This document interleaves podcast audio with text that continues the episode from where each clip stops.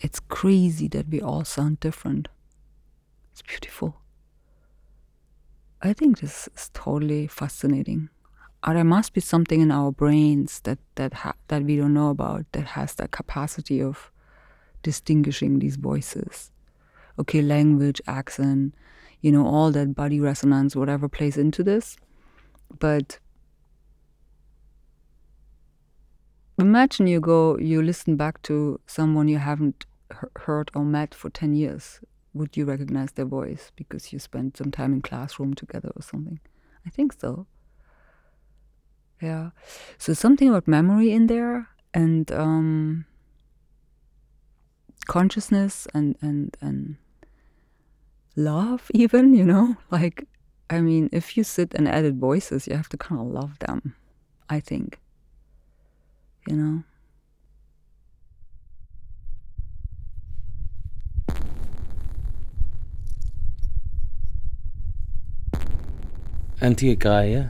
Also known as AGF or poem producer, is a poet, activist, sound artist, sound sculptor, and curator, born in East Berlin and based on the island of Hailuoto in northern Finland for over 15 years.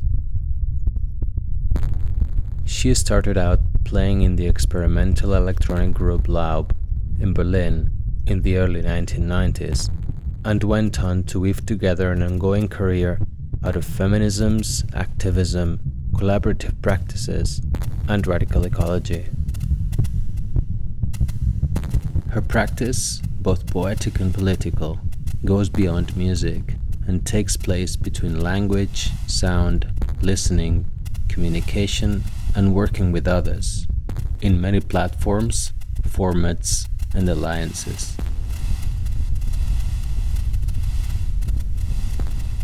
In this podcast, we talk to Greie about language, sound, and the body. At the intersection, the voice emerges with its multiple resonances and different ways of introducing the voice of others through her own practice and space of visibility. Along the way, we look at her work and methodology, from the deconstruction of text to the implementation of what she calls feminist sound technologies. Permeating everything, we encounter the memory and the experience of having been raised in the values and the political experiment of the former Eastern Bloc and feeling part of a silenced diaspora.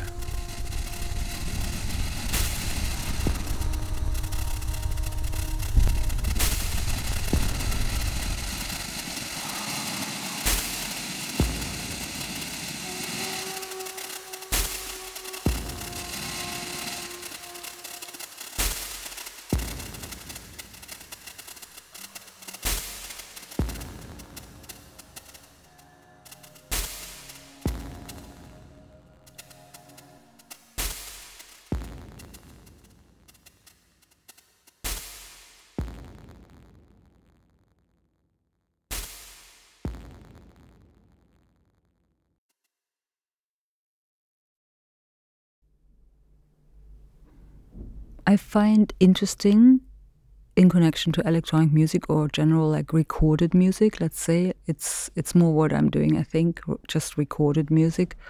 I don't even need any labels but people do need them i guess. But thinking about sampling music or working with synthesizers or you know self-generated sound either you you drum something or you use the glass or you use your own voice but I was always working kind of with body in that way also, and also very interested in my own body in space.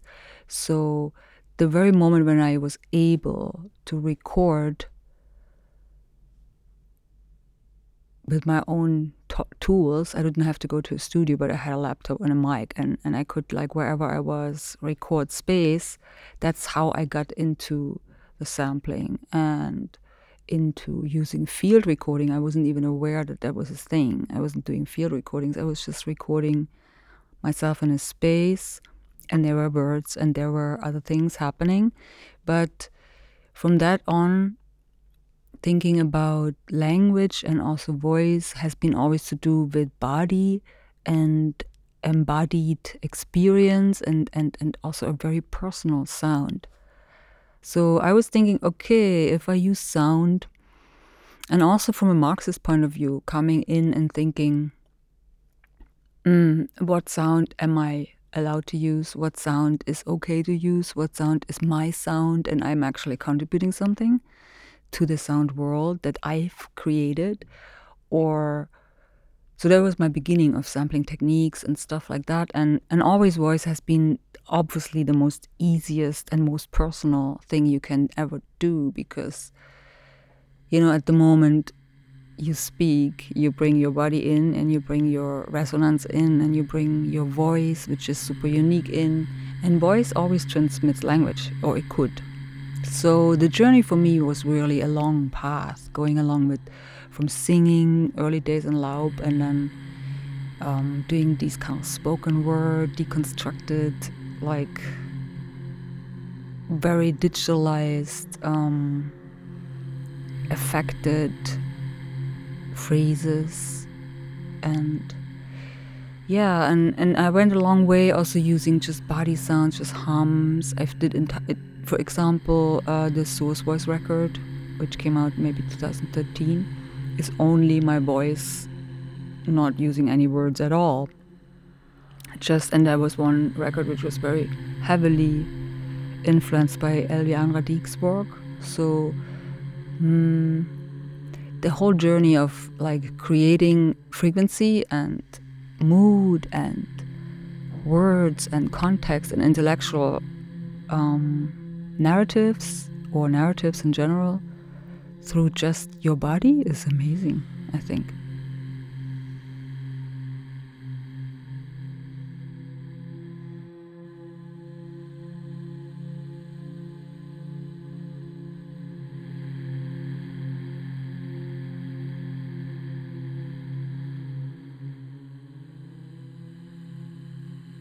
it went all this way from thinking, mm, I want to make digital songs, you know, I want to write songs for the digital age. Like in the 90s when I started to write songs and when I did Laub, work with Laub, that band, and it was kind of strange time because I felt like electronic music, on the other hand, was actually moving away from song and was moving away from meaning maybe in that concrete like uh, human language kind of meaning so i think there were there was some mm,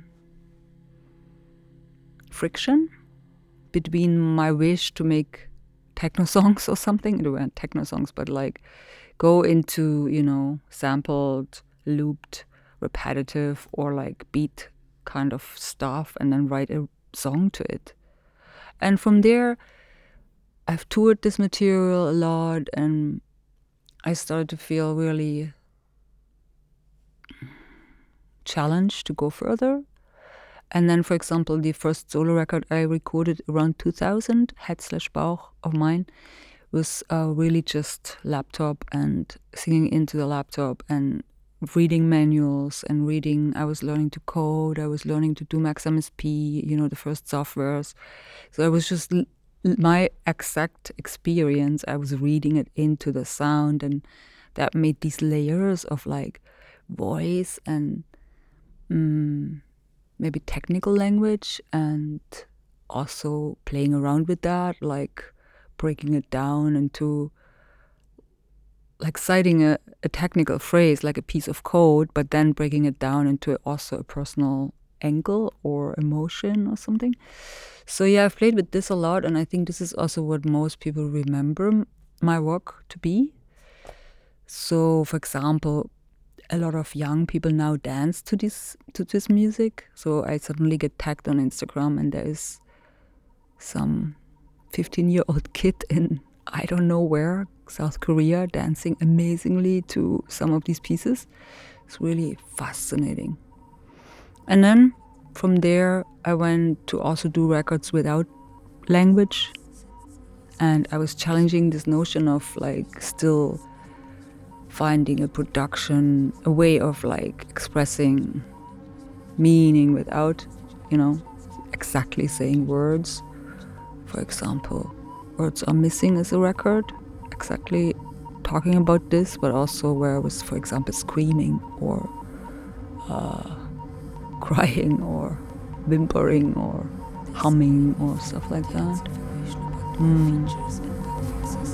Starting is the industry, starting is the industry, changes, changes, changes.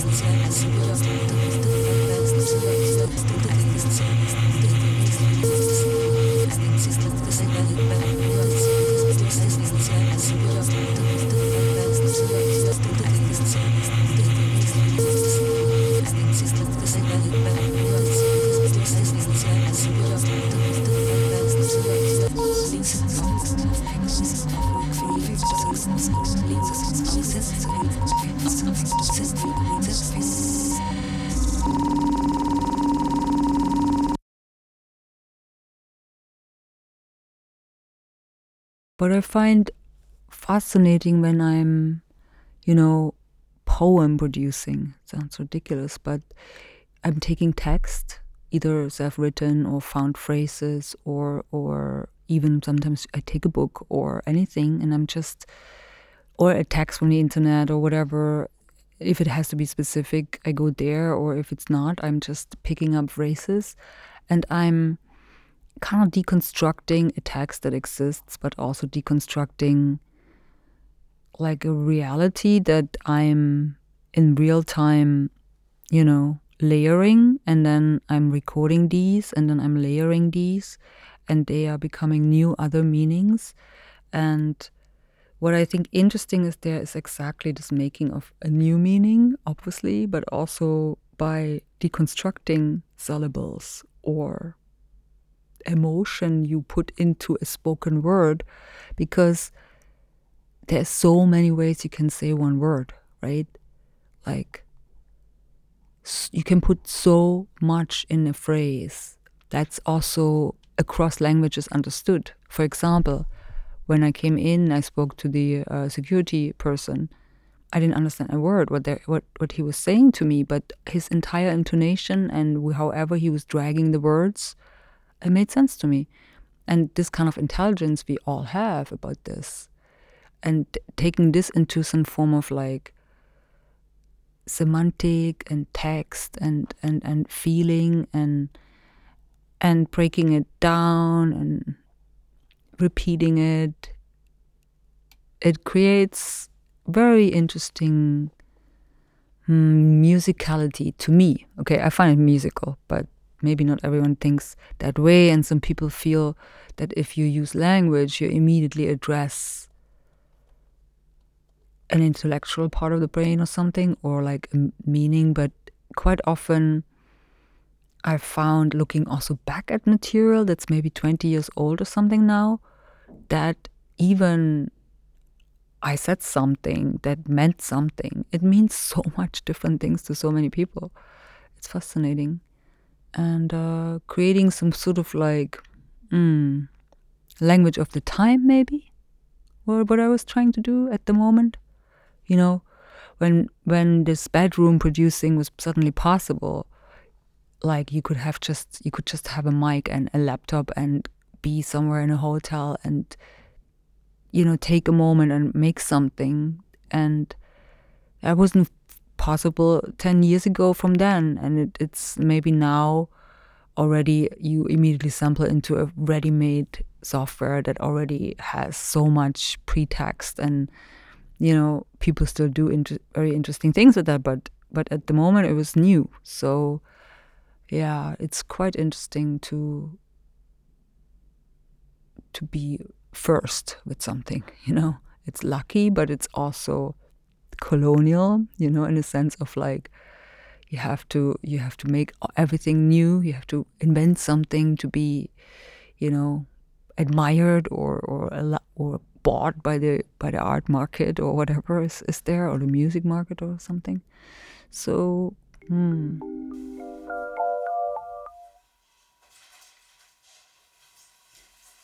the effects play play a huge role and in the past i was also using a lot of after effects like i would record a dry voice either singing, speaking, mixing, and then on top of it again and again.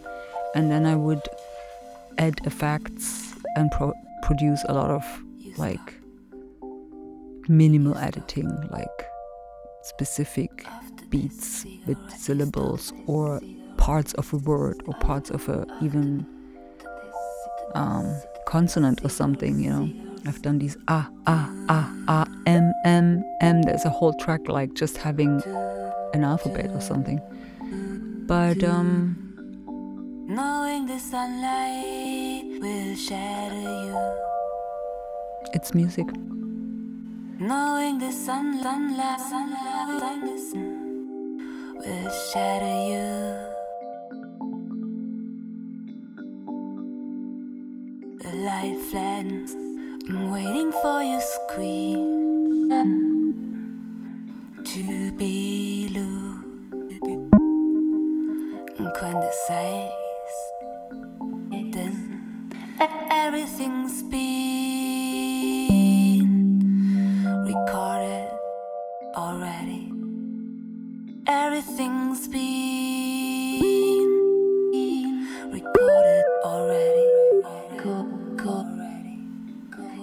stop. Light a cigarette. Let the let the let the smoke squeeze down your lungs. Let's make sure we sleep tonight. Tonight. You sleep. So I was trying to like use also language and sampled language in a way like phrases or, or stuff I found. I used my voice in a way, and that's the poem producer layer. I was like layering these phrases over and over again, for example, for Westernization Completed and other records and then I was chopping them up and edit, editing them into a new thing. So kind of like poems, but I didn't write those poems down. I recorded them first, and then they became through my editing process and to using effects and, and digital processing and these kind of things. They became these like literally audio poems. So I was. This is how they they became that specific sound. I think this is really important. I realized that later, but it's different than when you write something down and you perform it according to something that's on the paper. And then I had listened to my own voice for so much and so long, I got really sick of it. You know, it's like, ugh. In the beginning, it was really amazing because oh, also this is how you find your own tone, how you find your own um, I don't know voice and an instrument, and you learned how to how you want to sound and how you want to sound different, for example. So I think because I was I'm a producer and I was able to produce my own voice this this int- intimately it became also so specific or unique I think and I mean, now so many people use voice in, in, in, in electronic music. It's it's very commercial and normal, you know. But back then it wasn't really. It was just the beginnings of it, and so this kind of I think there was a lot of research work actually, and a lot of like risk and fail, and also very embarrassing things, you know. And I'm I know that I released embarrassing things, but I I also am quite proud of it to be honest you know, I, I don't feel bad about it. Like I think I with every record I released I risked something or with every production I, I released I, I tried something that nobody else in my of I, me knowing had tried. So I was trying to be experimental, you know. I really that that is something I'm often thinking these days. So much music is called experimental. That's not experimental at all. It's just uh, repeating a formula that's called experimental, but it's not experimenting. And so I was really trying to experiment. I was fascinated by that option. And it was clear that using the voice would make it more unique than if you cut up a synthesizer, you know? It's just like there's no way a synthesizer can compete with the human voice. I'm sorry. I think so, you know? After listening so much to my own voice after 10 years of music production you know doing so many things also i didn't only do records. We also did uh, plays and dance pieces and you know stage pieces and commissions. So i was like hmm. And then actually for a moment i, I was hoping i could become more of a producer in a classic sense. Like i was producing hip-hop records few and was really seeking for kind of a production work. But that kind of fell into the whole music business change that happened around 2008, 2010, when, like, I guess Web 1 became Web 2 finally or something. Anyway, we couldn't anymore sell records with, with music, so uh, that was a big change. And lately, I've started working with Recon like completely in a way to mm. well i started maybe five six years ago to extract voices from existing found footage of uh, found materials for example angela dimitrakaki or um, anybody even noam chomsky i have a one piece with noam chomsky in it and i asked his permission or other people's just angela davis like listening to them speak and also thinking not only of what they say, of course, very important, but also how they say. There's this amazing, I would say it's a performance, how Angela Davis is speaking to the UN in 1972 as a funeral for, or like as a, com- what's it called, commendment speech. Um, this word is not really like she is speaking to the UN about Amilcar Cabral, which was murdered by whomever, and she is addressing the UN to commemorate, or is that the right word? Mourn. She's kind of, and she is literally, I like the the situation is almost like, what's it called? Lamenting. She's almost lamenting in the UN, you know, in this official body with all these men sitting there, and she's like, and her voice is really going like, and she's really singing. I have listened to this performance a lot because there's so much in also public speaking I find interesting. And actually, that brings me to also the angle when I'm working with poems from other people, what I did, you know, in, in the feminism sound language pro- project line where I did a German version, a Japanese version, a Finnish version, a Russian version, and now the Greek version, um, where I'm looking into these poems from women over the last hundreds and hundreds of years, how far I can find, and then thinking of how they have perhaps been speaking and, and saying these poems or reading them. For example, I was also using some writing people have done that actually were literal speeches. Like, for example, what's her name? Alexandra Kollontai. Like, you know, her the way how she addresses people a mass, like in a space where you raise your voice and you go really like into a different frequency and you really make it like audible what you want to say. So I find this also interesting. And in these records, I have experimented with kind of voices that are not really my own or like not something I would do, but I'm kind of imitating.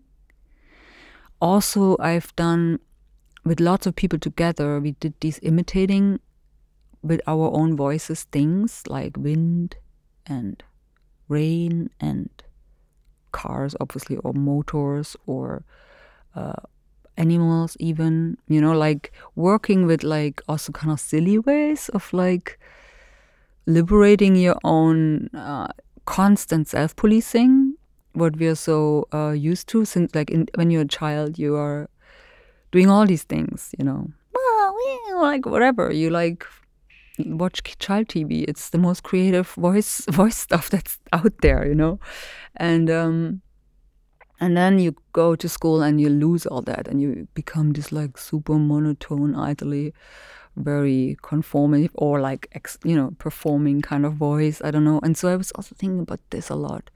How you know we police people to not sing anymore. They get scared to sing in front of people. You know i don't know how you feel about this but most, most people i know they don't sing in front of other people. It's tragic i mean it's amazing that we can sing. So i was also doing this community choir for a while on the island. And it was beautiful because the whole this island where I live now with my family, it's a it's quite big island but small population, and we had almost really many people coming there, like at times thirty locals and with kids and everyone, and we were trying these silly things together, and it was beautiful. For example, once we went to a hunter's hut, and it was a stormy day and we went outside and we listened to the wind for like 10 15 minutes and then we went inside and it was cold we had fire and we re- repeated uh, re- re-imitated that kind of sound together and recorded it the recording is on soundcloud. It's beautiful. I love this so much and it's like the most unique thing you can make because it's unrepeatable in a way you know that kind of experience that combination of people combination of space, combination of, yeah. So experimenting with different kind of voice situations has been, I guess, lifelong fascination. And language pops in and out there. And sometimes I want to do more. For example, right now I'm thinking of making an, another, in the future, make another very uh, language heavy record. I've done a lot of commission work lately where I use voice, like people ask me to do that, and then I just do it for that. And I'm really so familiar with the process of recording myself now that I can just in real time play with, you know, effects and processing and record everything in real time uh, at once, you know, because I've done so many live shows uh, hundreds and hundreds of live shows where I'm using voice, you know, and yeah.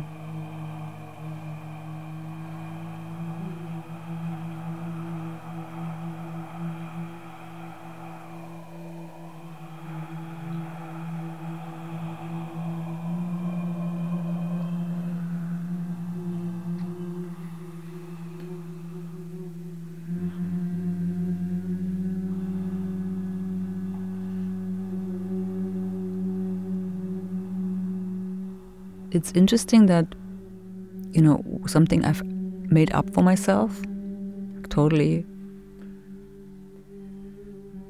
I mean it's ridiculous. If you think about it I just thought that's a thing to do poem producing and I just did it. And then now it became something I can do and it's useful and people ask me to do. I find this fascinating.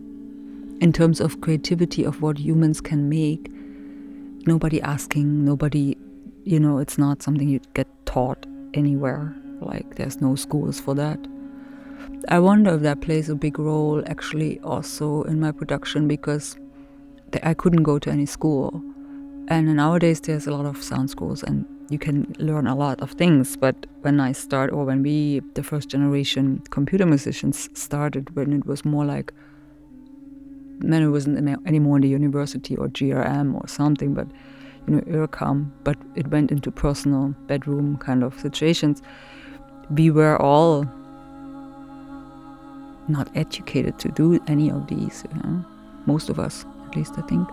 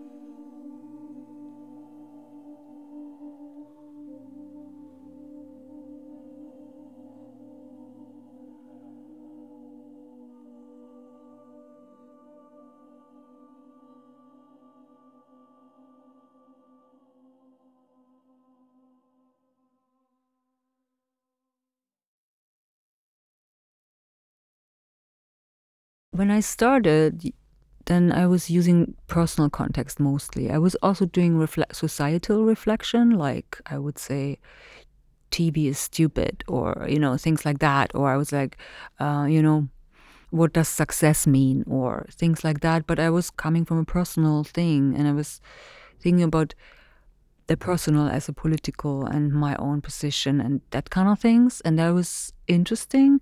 But after I've done that, I was also not anymore interested to continue. And I was looking more and more for um, also different context. And I was really thinking about also the political song or the political sound or the political composition what does that mean? What is that? Like, like, is it possible to do something interesting?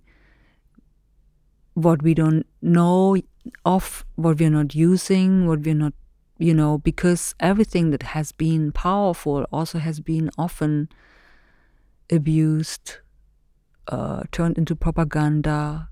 Some of the most beautiful political songs are now some like I don't know after party being drunk dancing around somewhere songs you know what i mean?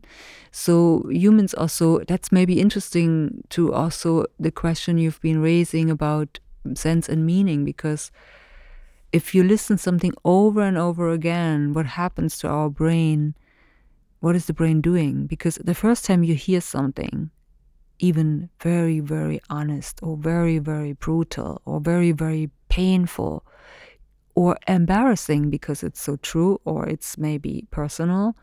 And it makes you know you get the reaction like eeks or yikes or whatever the you know you're feeling and or you just switch it off. But if you let it go you get used to an expression that's proposed to you or a feeling or a meaning. And then I think it's some sort of filter we have in the brain. I'm not a psychologist and I'm not a consciousness specialist or neurologist, but I think something happens to us getting used to either uh, pain or, you know, a painful expression or a painful truth that we can, the more often we hear it, the more we can bear it and handle it and even forget about it and put it in the background and suddenly start doing something else and there's an immense power in that, of course, because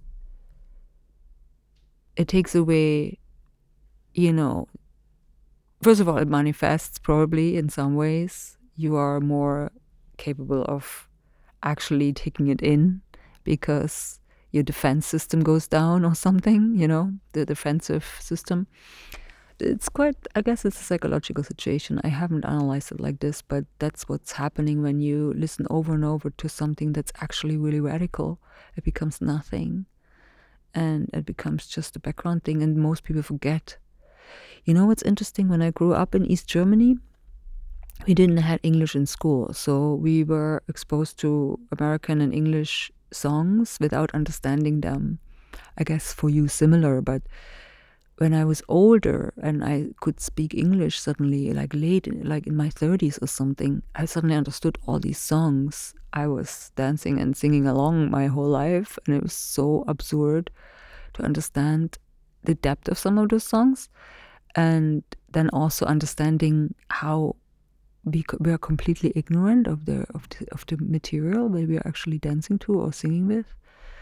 It's kind of shocking in a way what what it's possible if you if you take the meaning out you know? And then if if something hits you know it's so powerful. For example there's few very few songs in my opinion who do that. For example tracy chapman talking about the revolution you know? It's just like it's not getting old on me. Like I, every time i'm thinking damn. That song is so on point and still it's lo- it's going in the you know it's playing in the disco at 4 a.m. and people are talking and dancing to it drunkenly and but that's also cool but i mean just saying i think i'm interested in expressing more honestly things than we do you know. Maybe also as white people, I don't know. Uh, there's so much we're not speaking about. We should, you know. And that has caused a lot of violence and it's probably ongoing as we hear like colonialism is happening it's not gone so there's a lot of material that should be expressed more i don't know i'm not saying that i'm doing that but i'm seeking to find ways to speak about the unspoken or sing about the unspoken or and because I'm playing in a way, you know, I'm musicking around the, this text. It's, of course, all these texts exist. They are like papers in academia or books nobody reads because, you know, I mean, most of the violences, there ain't any German books about it, you know, like there is material about the Holocaust and, and the Nazi time. We have a, lot about this. I think Germans have done it quite good. At least I was uh, raised anti-fascist, radically under communists, and um, I appreciate that. I loved that about uh, commie education that we were brutally forced as kids to understand the the violence that the country had inflicted on others and so on, and especially on Jewish populations, but also Roma and commies that even were affected as well, like communists and stuff. So, yeah. Oh, I wish I could have been asking, for example, my personal family more about these things when they were still alive, you know, grandfathers and stuff they were broken people. They couldn't speak about it. I, I wouldn't have had the words as a child to ask them in a way that they would tell me.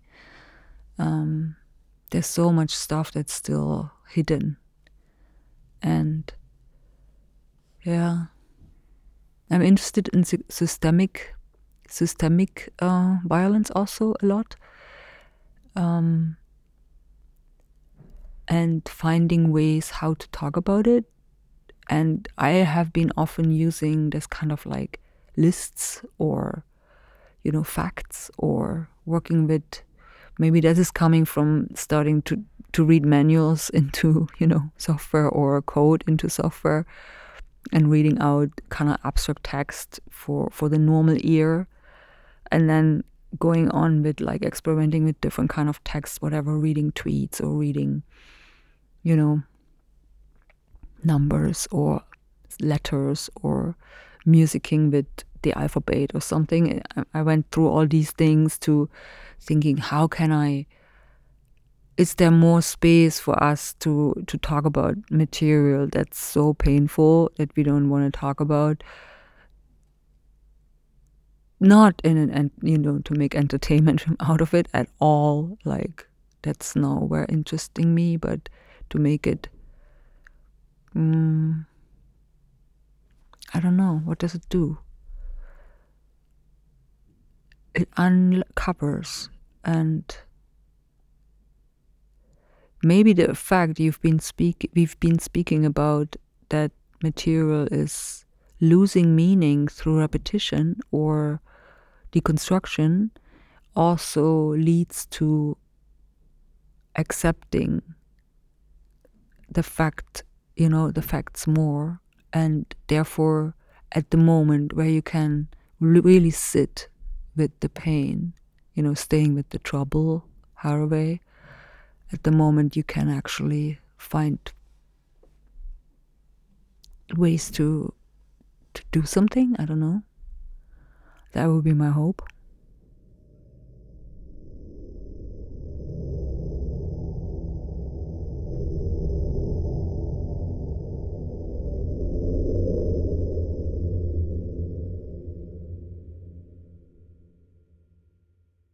You would heal, but also it gives you by accepting that this is what happened, this is, this is what we have done, and this is what I'm descending from, and this is what I am because this is where I come from.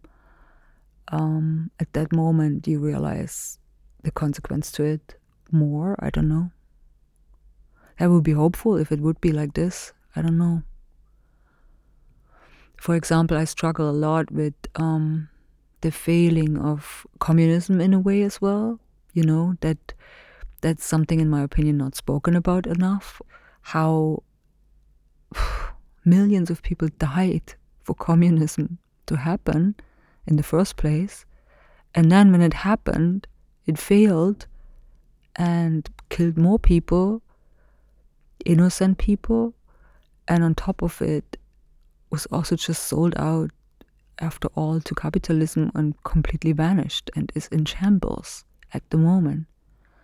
And even there is some kind of um,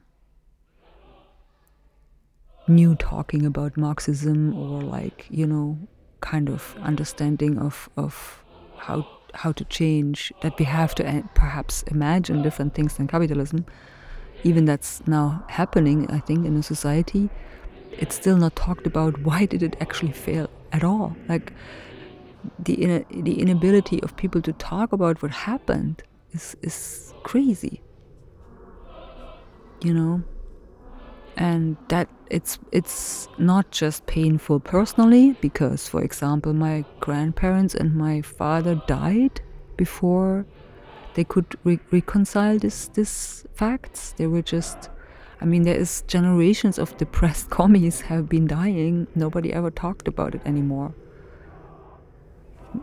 As I said, my parents were born in a GDR. They lived their whole lives there. And nobody has said anything about it. It was just like the potential of the dream that we could live in a communal, fair society just vanished off the planet. And like, everybody's behaving, it's impossible. Like, and it's kind of impossible. At least at the moment, it looks like it. Like, wow.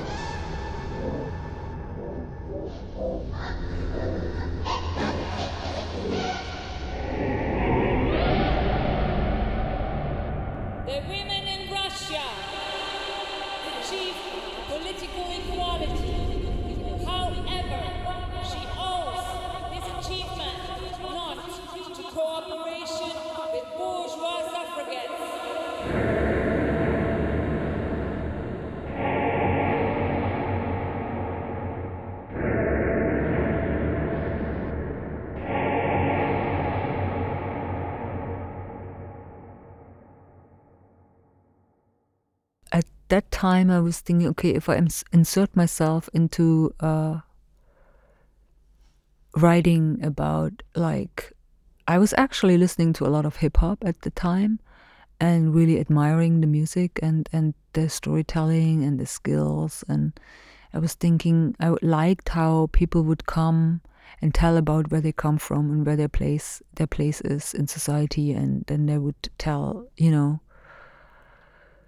their conditions basically through the songs. And that was uh, one part that was inspiring me to do this. And then i was thinking yeah okay um, nobody's talking about the the former east bloc or nobody's talking about the world that had existed for i don't know 40 plus years uh, where people were trying to build you know a different world and okay, it, it didn't work out or something, but uh, I was thinking it's still, this is still my reality. I've lived that life and my parents lived that life. And so I thought, how can I express this to the West, you know? And I was literally going through westernization. I mean, I had to 100% change everything about me. Uh, I had to understand how to go to the market and to the store and how to buy things and how to make money and how to pay all that stuff I needed to be paid. Because where I came from, we didn't need to have money because we couldn't buy anything. Um, so it was a really fascinating thing to change, you know. Of course, people have different experiences to go into different cultures and different countries and so on, but I learned I was thinking, okay, uh, now to live under capitalism, something that was taught to me, you know, in, in mother milk is something very evil. you know, uh, okay, I better try live here now and make it happen. So I said this before. I tried to be good at it. You know, I tried to, I tried to make a living. Um, I tried to be useful, uh, and I tried to make enough for this and that and have this material to be able to buy me another computer or something, you know, be part of the economy, be part of like. And um, still, I wanted to tell the story of where I came from. For example, we didn't have drugs, we didn't have um, free media, we didn't have free speech. And I'm talking about this on the record. So it's very odd to do this. You know, it was I was absolutely aware that I'm doing something fucking crazy. Probably not allowed to swear. Yeah. So I was thinking, okay, this is my contribution. You know, I'm that person doing electronic music. I'm gonna put this right there. And how people respond to it, I have no control over. And I have to just stand by my own life like that. And I think it was um, yeah, I think I people, many people respected that. I did that, you know. So it was interesting to see the reactions, and also 100%. It was so embarrassing, like Grinch would kids say these days, you know, like. But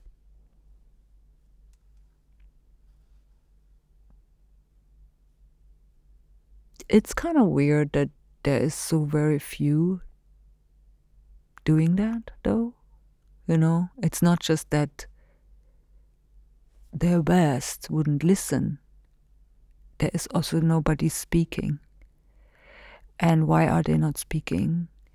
And this is a very interesting point, and I guess for, for me it's or for for the former East Bloc, I cannot speak for everyone, of course, but there must have been like beside the huge shock and the huge um, grumbling of everything and questioning everything. You, we, we thought we want to live, you know.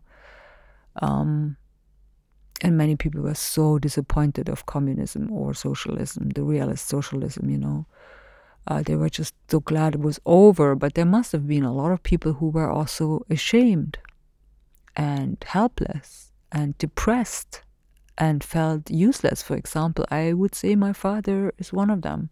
You know, he spent his whole life of defending um, the idea of it, and when it just disappeared, he was also glad to have a cooler car or something, I guess. But uh, deep inside, it must have completely depleted his entire self well worth or something. And I'm I can only imagine that other people feel like that too. So is something that's not spoken about again, you know. And I have looked for that kind of text and I have looked for this kind of material, but it's very hard to find. So I'm hoping it will come now more. Something that really was uh, hitting me very heavily when COVID broke out, uh, how massively the Eastern countries were, the Eastern European East Bloc was affected by just seeing the numbers, like they have literally the worst numbers on the planet, like the worst death rate per population, Bulgaria, all these countries. And nobody was saying anything. Like nobody cared. Like there is almost first no, no article talking about how many people died in the former East Bloc and why. Why did these governments not act differently or why is there no more, you know, and so I was thinking that's another sign of a hierarchy within Europe, you know, what we're dealing with, and another uh, welcomed hierarchy within Europe because capitalism always needs this kind of like slavery or you know somebody to exploit and be under to have you know the cheap labor and have access to to more exploitable material and so on and so on. So yeah it's it's incredibly tragic that and that's something which I've now noticed when the war broke out between Russia and Ukraine. Um, the sudden defense for Russia in terms of thinking that still it has anything to do with Soviet Union, which it absolutely doesn't. But how could that be still in people's minds after 30 years? Like, has nothing happened? Like, has nobody paid any attention? And of course, people have, but they don't care, you know? And and it's really hurting everyone, like patriarchy, literally. Like how patriarchy hurts everyone, also this kind of hier- hierarchical domination of like entire populations and countries is, is really hurtful to which we now see uh, in an outbreak of a violent uh, potential World War III or something. And yeah, I think the Europe has made efforts. The European has made European Union has made efforts to to connect, but what's going on there is my question. I think actually what I've also realized is that East Germany is a very specific country. Like this whole simply just East Germany is an extremely weird thing because we were not only Nazis or part of Nazi Hitler Germany, we were also uh, occupied by the Soviet Union and therefore still German but kind of Russianized or Sovietized, part of the Soviet bloc, but we were the exact border, so we were the 100% like most surveilled, most militarized, you know, there was the wall. So we were this like small population of 14, 17 million, I don't remember, uh, who were then, after the wall came down, immediately taken into the West with, like, you know, a very strange country, very strange moment of history that happened there. And, and it's also, it's talked about in the East German and in German context, but not in a European context. And, and also, so I'm realizing that I lived that short moment of history in a way was kind of, I thought I could talk about in, in, in my work as well. You know, it definitely influences everything I know because if you live 20 years in under specific conditions there's no way that you can shred that. And and even if you try it will be you know coming back up at you like in a moment. Like when there's like when my father died for example you know and then i was like thinking years later there was this like movement of like podcasts talking about marxism. And i was like i wish he would have known that that it's coming back you know? It's coming back. Like it's not vanished from the and i'm not talking about marxism in the sense of his idea how to establish communism. I'm talking about marxism in the sense of understanding power relations and economics and exploitation. So my father knew about exploitation you know? That was in his we all know about so much. I, I haven't seen this in the west so clear. Uh, understood. People still think you're a capitalist if you sell something. Like if you make something and you sell it you're not necessarily a capitalist. Exploitation is capitalism. And that's something that's not taught in schools and it's really missing because we were taught in schools in fifth grade that this is what's happening under capitalism. That, that exploitation is the biggest factor of that kind of process. And if you understand that you know you you think different. You work different. You live different i think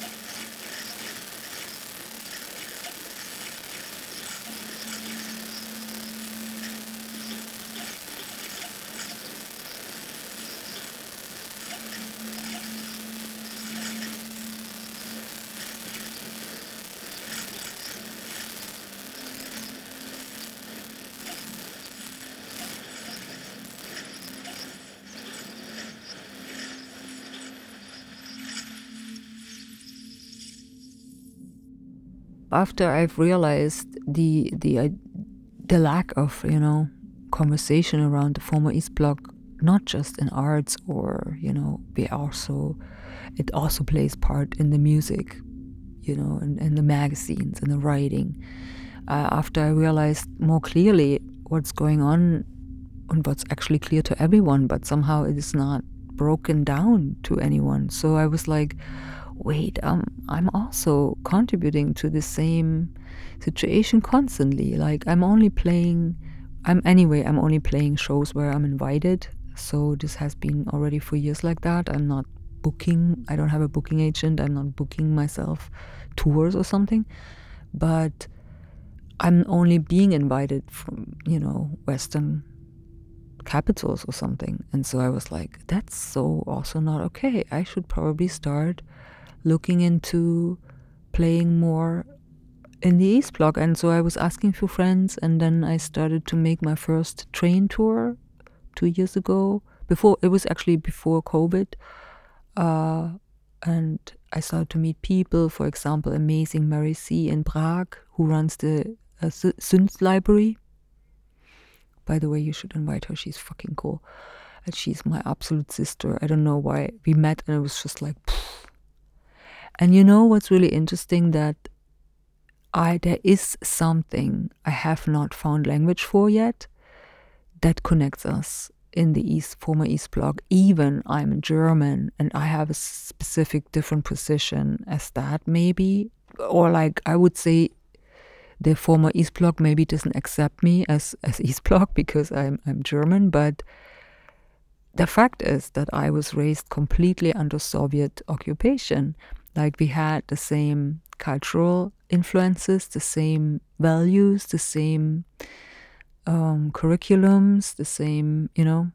And so when I come in contact, even in Vietnam, I notice that. Or I notice that when I go to Georgia or Ukraine, Russia, even Russia or Czech or Bulgaria, I have a different relationship and I cannot really put the finger on it yet what that is, but it's different than when I talk, talk to people in the West.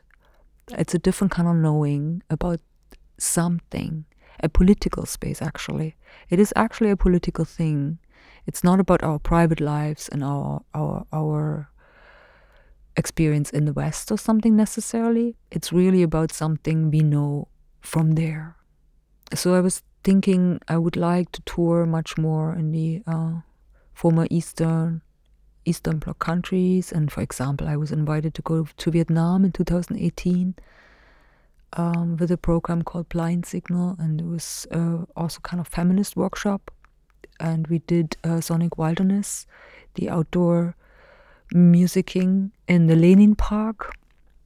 So we went to the park, which is in the middle of the city of Hanoi, and we were talking about working with the spa- public space and sound and also the trees because there had been just an incident which was quite interesting in Vietnam that they had cut a lot of trees in the city and actually young environmental kind of social left activists had protested and been incarcerated for it and it was quite a big deal and there's also lots of censorship in Vietnam and uh, issues with free speech and also with imprisonment.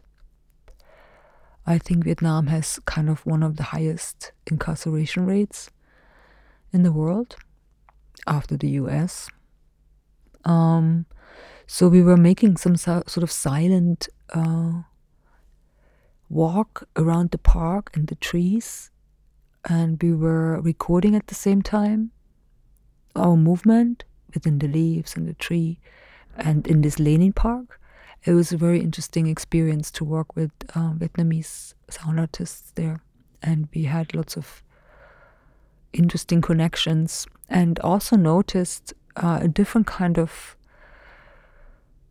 maybe more social preset of interaction, something like that. To me, that's something I don't see in the West. You know, like the West is so internalized, competitive. You know, I'm not talking about you now or something, mm-hmm. but just like you know, in general, if you if you think about an art space, you know how the art space functions, or the music space functions. You know, who's going to be these ten people who play that festival, or who's going to be, you know, on this and that, label. There can be only ten releases in a year. Who's to get the spot? You know, like it's highly competitive, even in our field that makes not even money you know, there is not even an economy. There's not even a buck to earn with, really.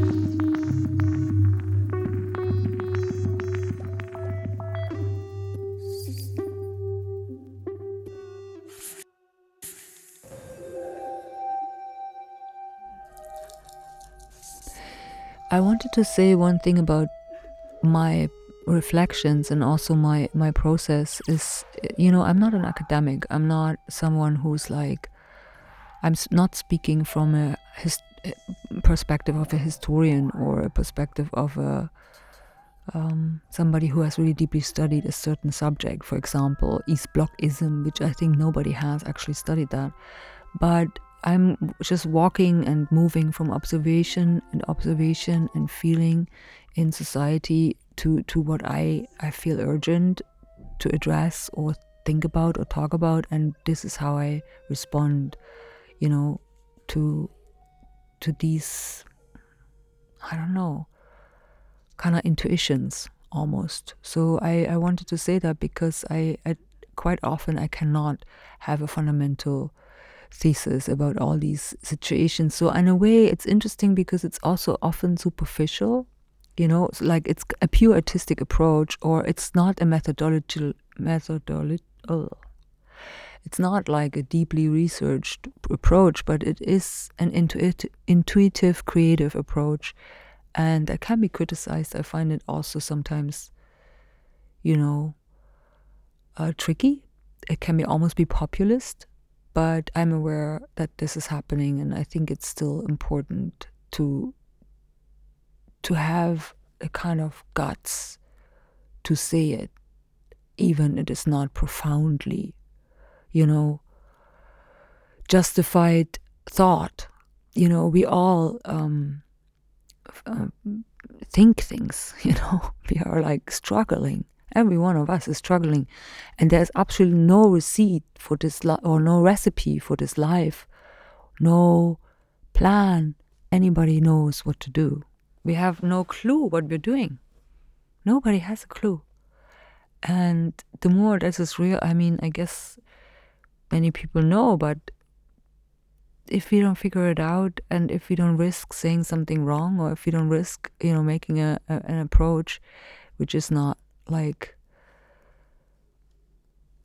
ruffling feathers or something. I don't know how will how will be resolved. The, the result is silence and oppression, in my opinion, and it's really dangerous. I lived in a censored, you know, the GDR was a censored society. We had no free speech. There was lies and lies, like in Russia now. The newspapers and the media was full of lies, and living with this knowingly, you know, uh, it is interesting to think about speaking up, you know, speaking out, like that kind of thing. So I think it's motivated from there. And a few years ago, I came across this beautiful book, Revolutionary Feminisms, by Brenna Bhandar and Rafeef Ziadah.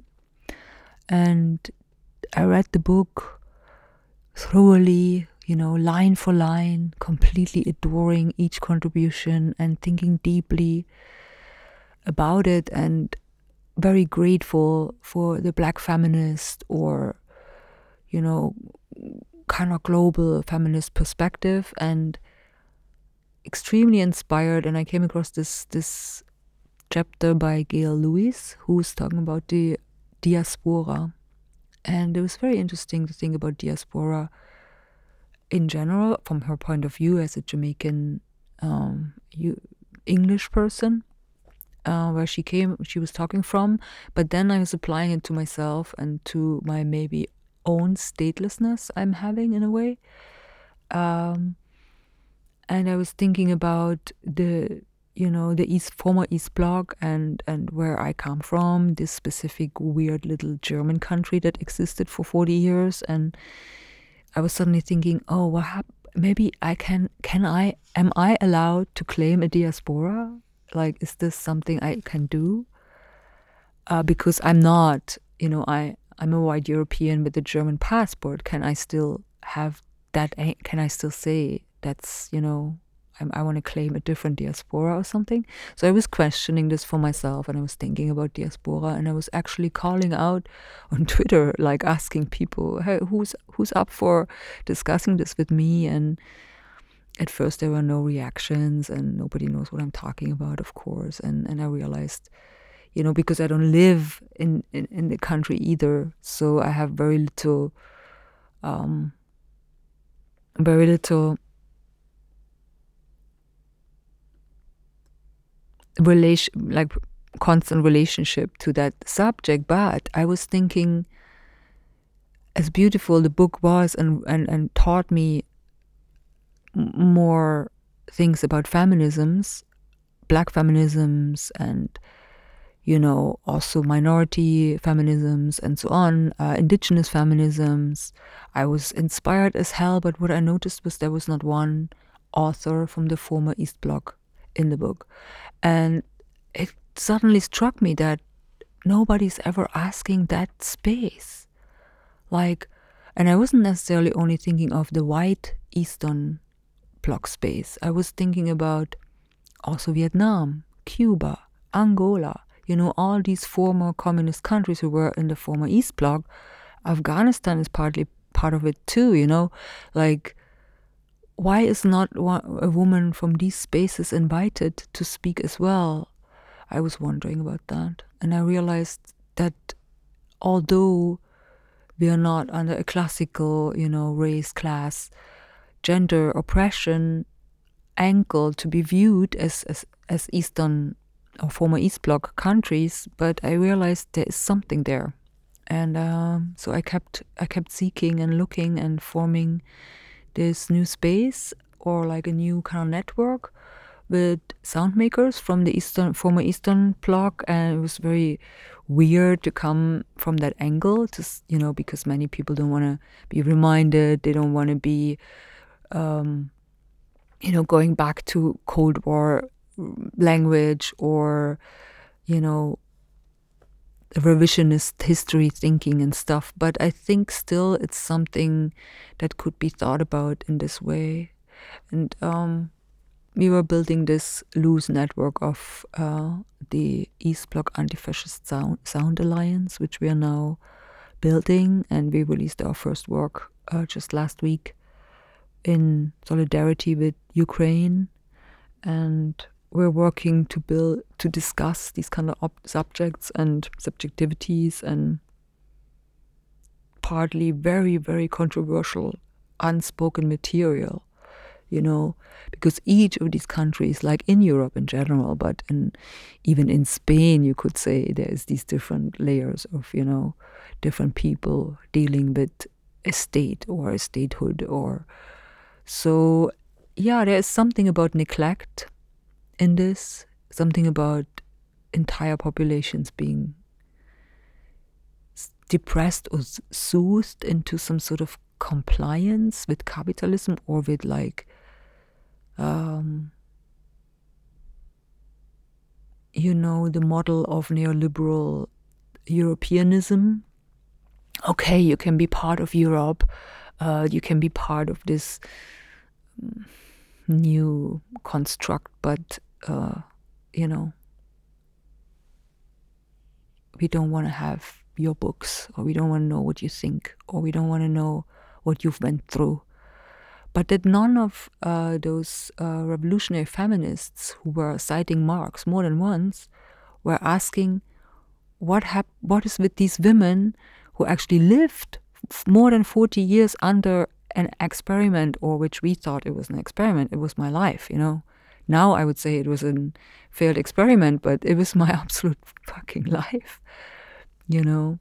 And the struggles to be confronted to march to Marx and Lenin, you know, what that meant in one way, and also what was the con- the the exact effect of that, also of in feminism, because I grew up in a feminist country.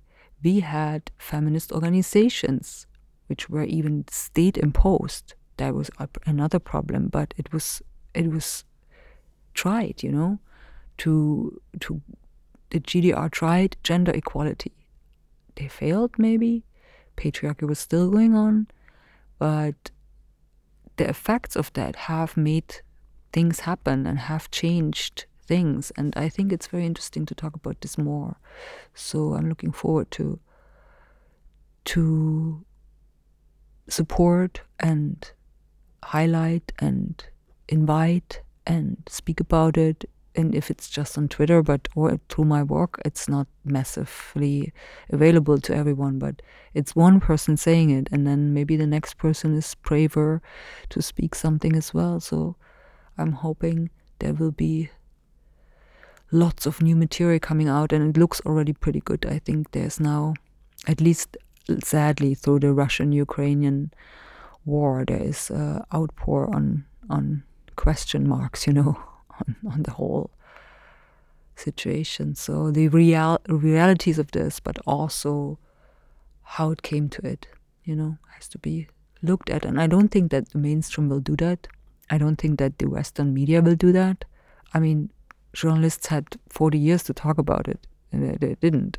So I remember this one really sad email to one scholar from the former East Bloc. I asked please send me some books by uh, former East Bloc uh, feminists. There must be so much. And she was just like, there is nothing, Antye. It just, nobody wants to hear from us. We've tried everything. I'm writing applications over applications over applications. You know, it's kind of like another form of like intellectual or academia um, capitalism or something, you know? If a white male man writes about a subject that everybody else has already been spoken about, it suddenly is is a reality, you know, that kind of still exists indeed, you know. So I'm looking forward to completely eradicate that.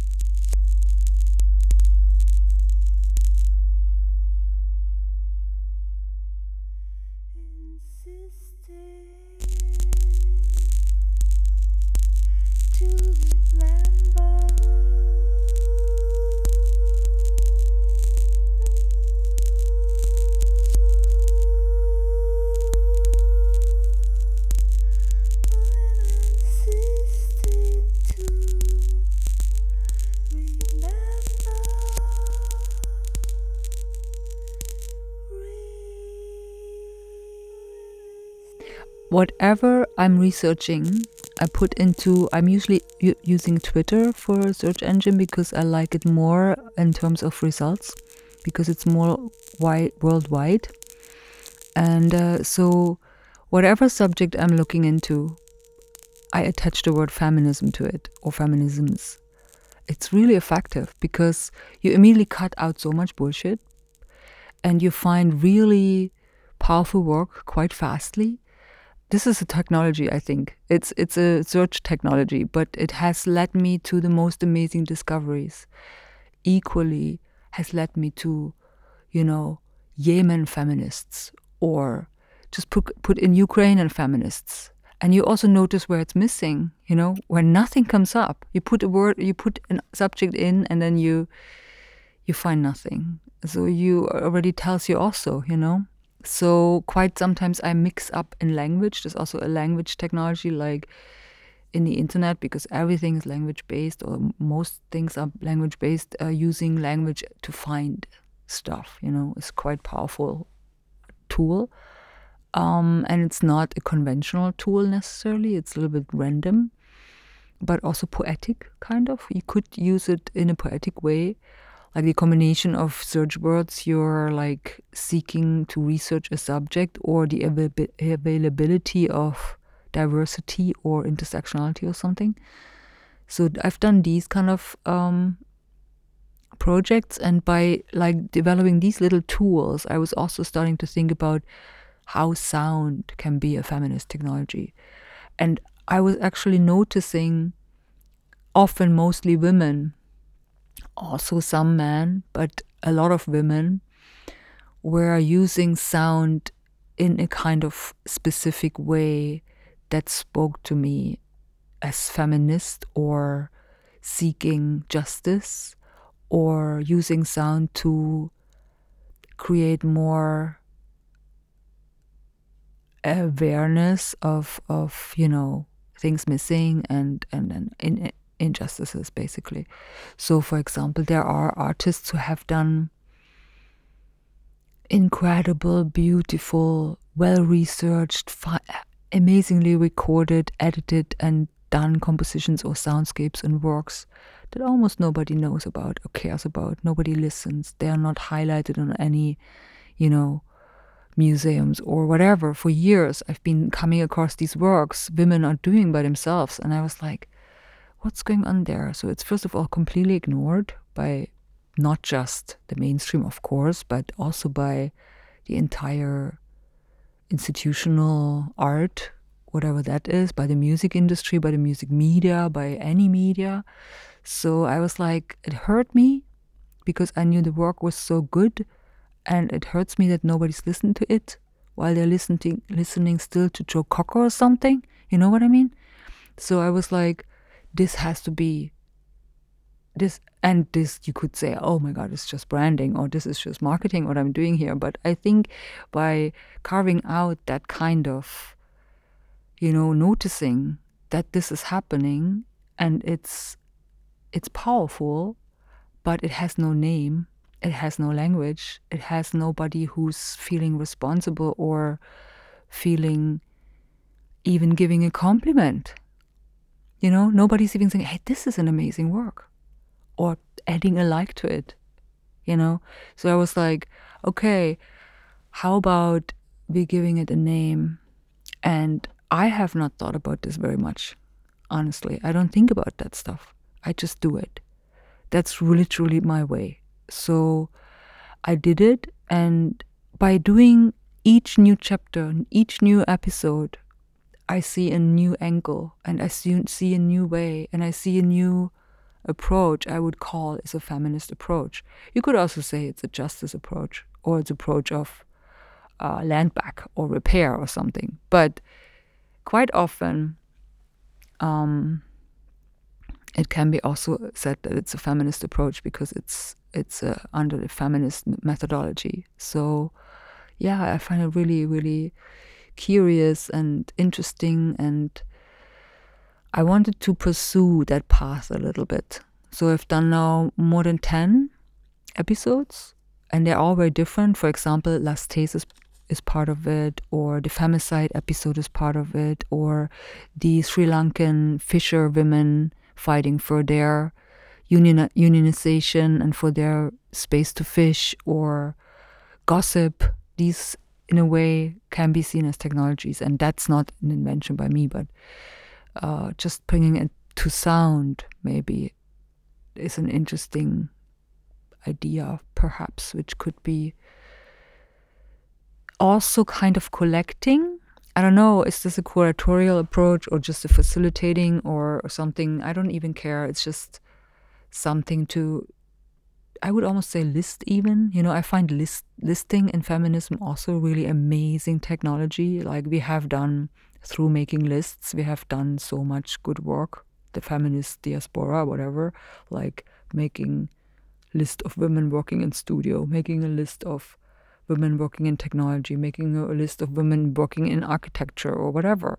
So these lists, you know, where we are like, we cannot be any more ignored. Or my my poet poetesses, I'm I'm listing and putting into the internet, you know, as uh, they cannot be deleted. It's forever, you know, it's going to be multiplied and multiplied. It's like an algorithm is going to be coming from that.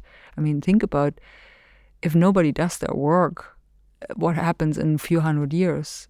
It's even more forgotten.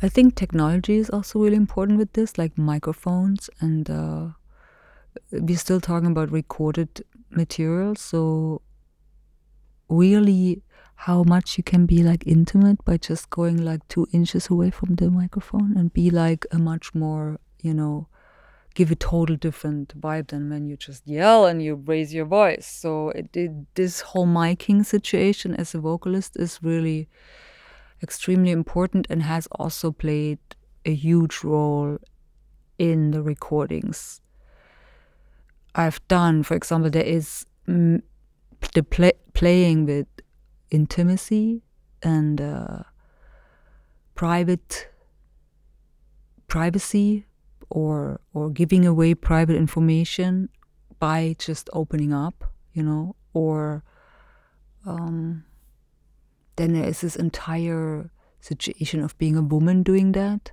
having a feminine voice. There is really great work by some scholars. I don't remember now the names, but who talk about this the the the female voice and how the woman's voice is um, used in that way also in recording to be seductive or be you know pleasant or how for example there is the story of radio voices being being allowed women for ages because they were supposed to be annoying or something.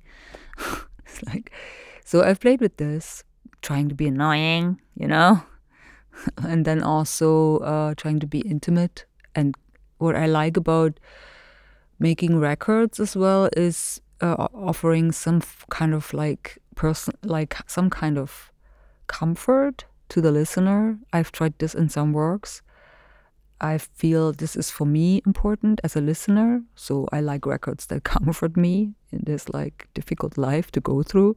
And so I want to offer that too, eh, or try to offer it. And uh, sometimes it's really helpful to draw someone in like that through intimacy. Yeah. Or you can also play with, for example, in lamenting, when I was studying lamenting for while, like just recently for a piece I did for Recon, about femicide. So I was collecting women who were killed for their political activity. I was collecting names for maybe two, three years. Um, I have this big list. It's public. It's online. I keep tweeting it and pe- ask people to contribute and send names. It's a huge list and starts with Rosa Luxemburg, who was shot right, uh, or like earlier already from all over the world, land defenders in South America, um, Russian activists everywhere. Like it, it's a huge list. So I took these names and I made this database and uh, Excel with their names, when they lived, how they were murdered, why they were murdered, and any specific fact to it. And I had this as my reading list.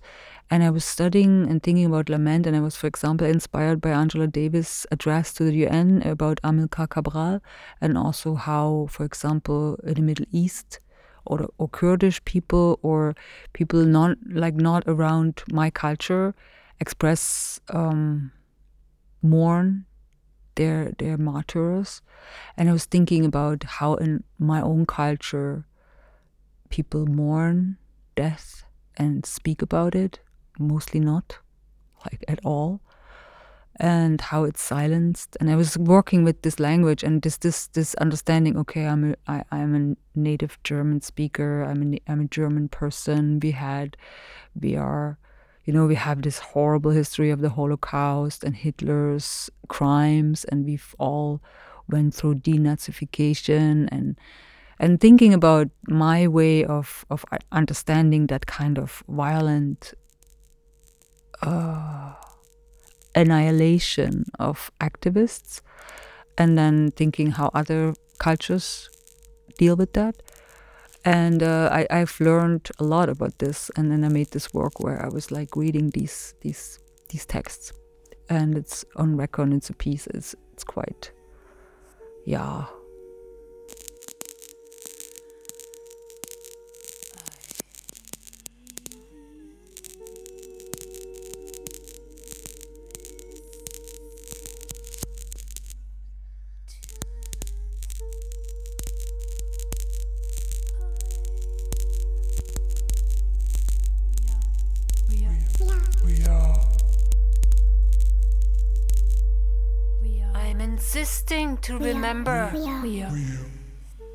murder of Rosa Luxemburg in Berlin 1919.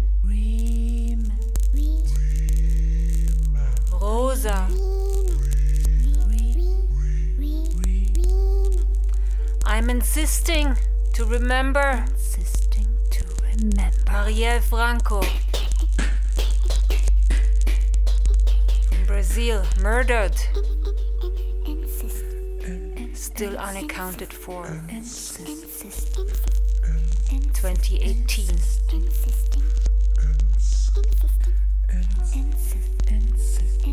To femicide. I'm insisting to remember. Murdered.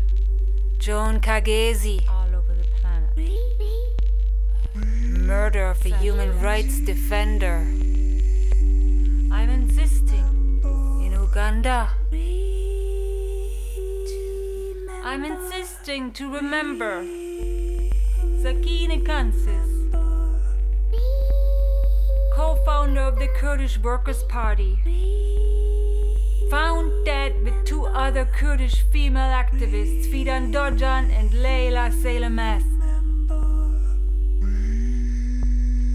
Assassinated in I'm Paris. insisting to remember 2013. Victoria Marinova. Berta Cáceres. I'm insisting to remember Indigenous Anna Politkovskaya.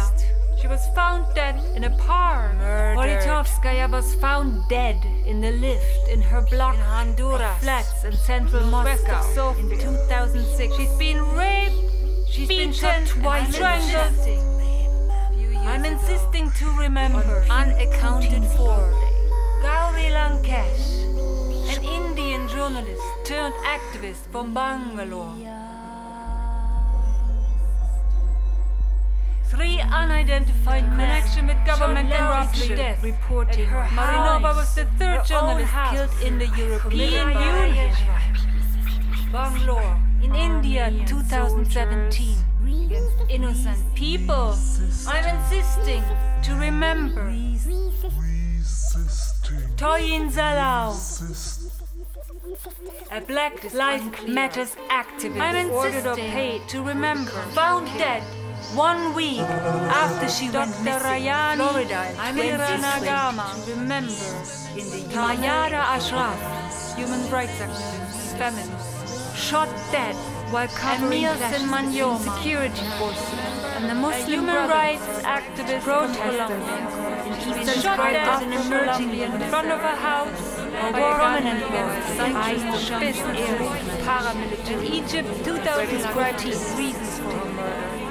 I'm insisting. Her murder was part of a series of killings. Christina Bautista in the country. Indigenous community leader. 2017. Semi-autonomous indigenous reservation I'm that occurred to remember presidency of Meena Keshwar Kamal. At least 534 Meena was in Afghan Colombia were killed. 2019. Political 2011 and 2016. Feminine. Police have made no arrests. rights. I'm insisting to And remember the Revolutionary Association of the Women of Afghanistan. Kim Wall, a Swedish freelance journalist. He was I'm in Afghanistan remember in Jean 1988. Kagezi was dismembered principal state attorney in Uganda and later found in location-led prosecution in high-profile cases. Remember her murderer in 2015 shot dead in front of her children.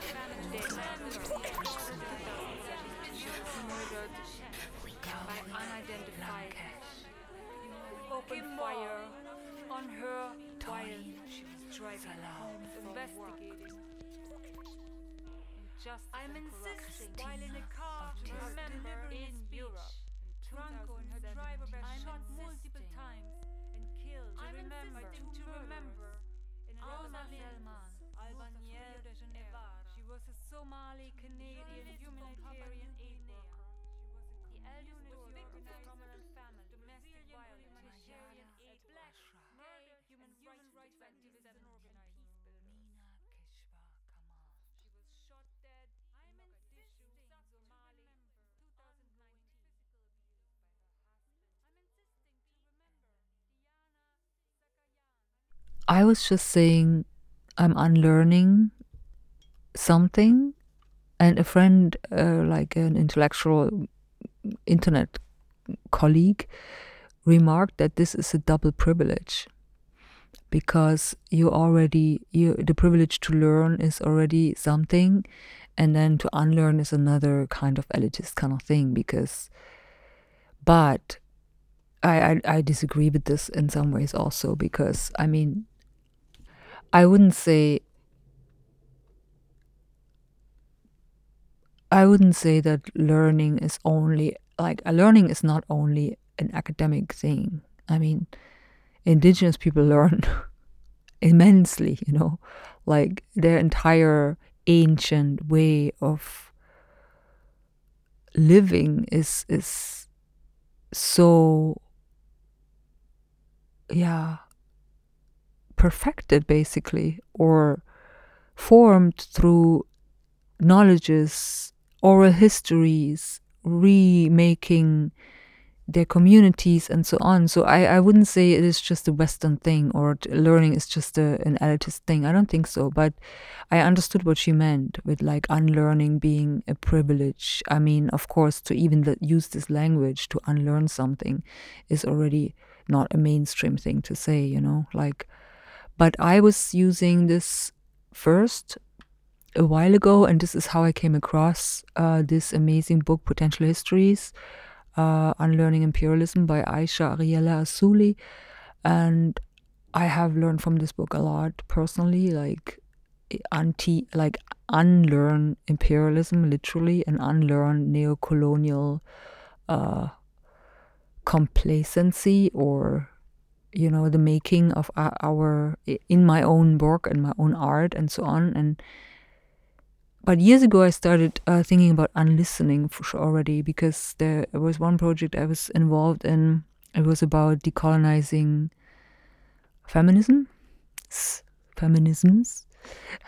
So i was like thinking about you know how there's so many layers to different kind of feminisms and that white feminists have um, historically done some great stuff but also been very very racist and have contributed to oppressions you know immensely. And so there was this one project where i was working with the first woman who ever traveled the world that we know of uh, in the 1700s from austria a widow, older woman who had already raised a child and had a marriage behind.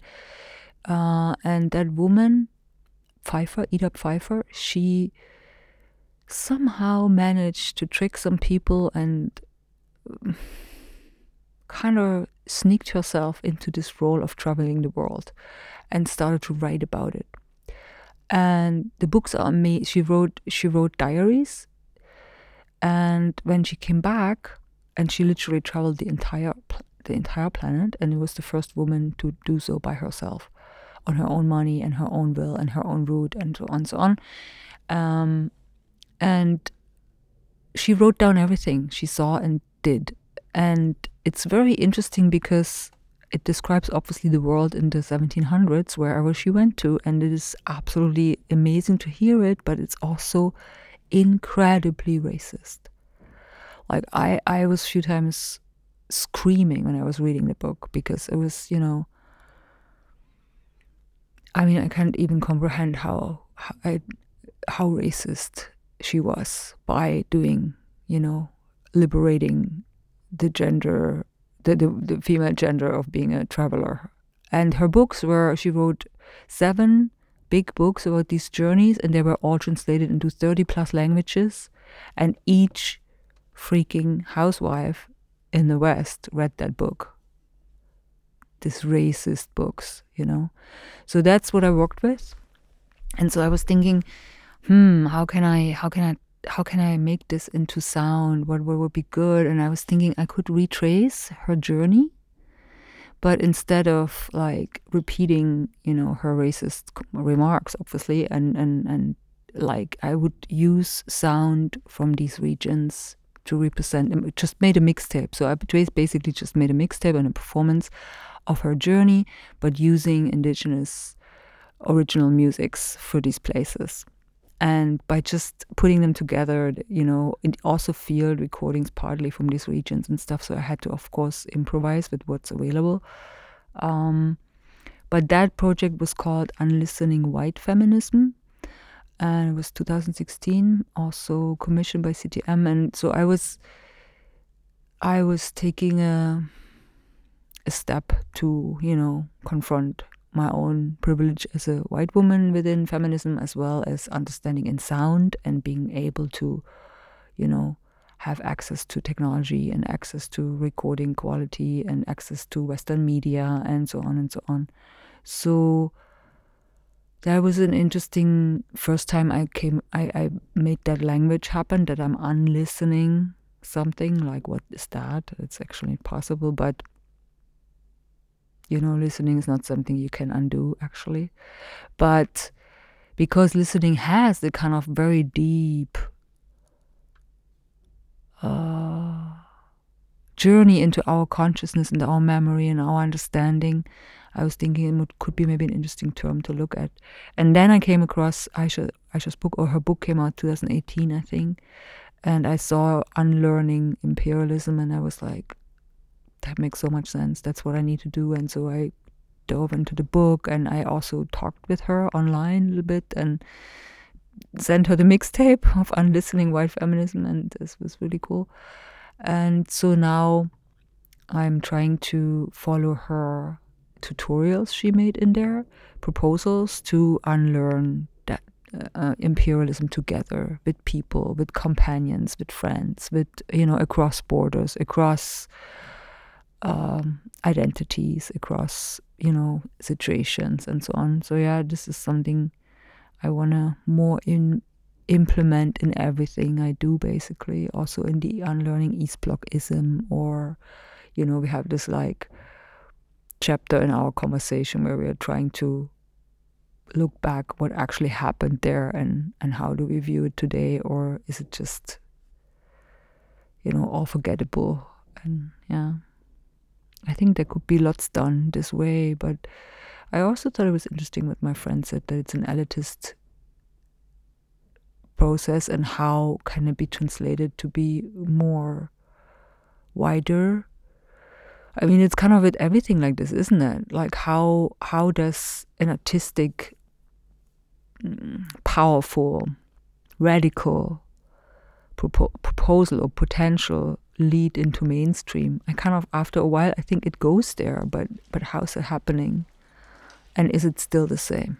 You know, or is it just then either whitewashed or greenwashed or pinkwashed or like feminism, you know, now being like everybody's tool to do the worst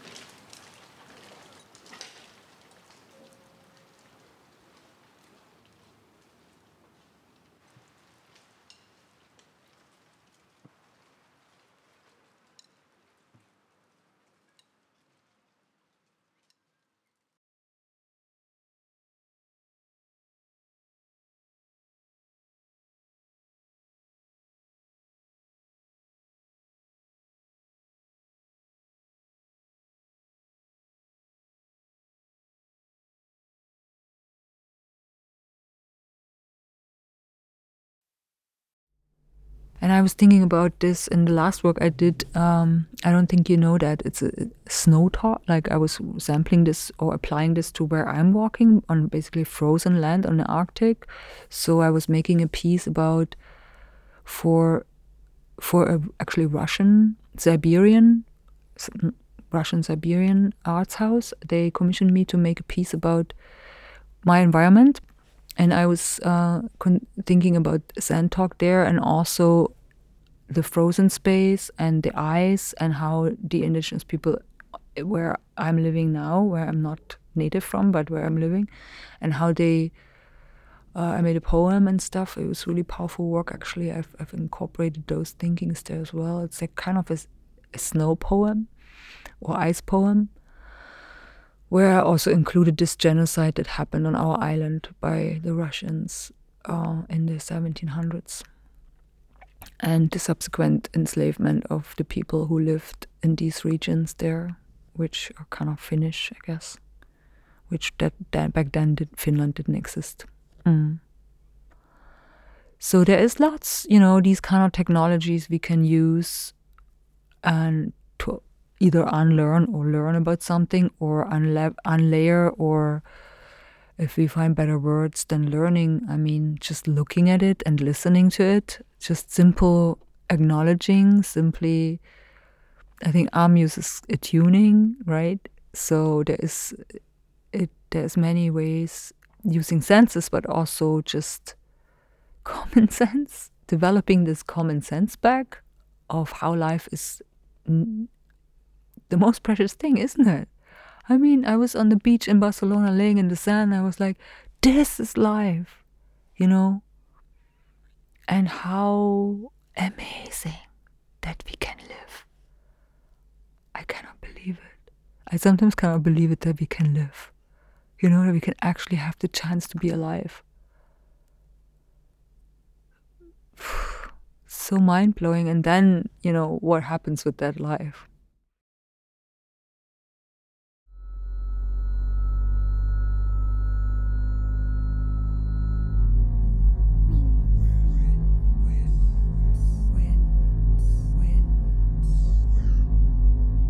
Winds as context, frozen lines in oceans, with very low frequencies.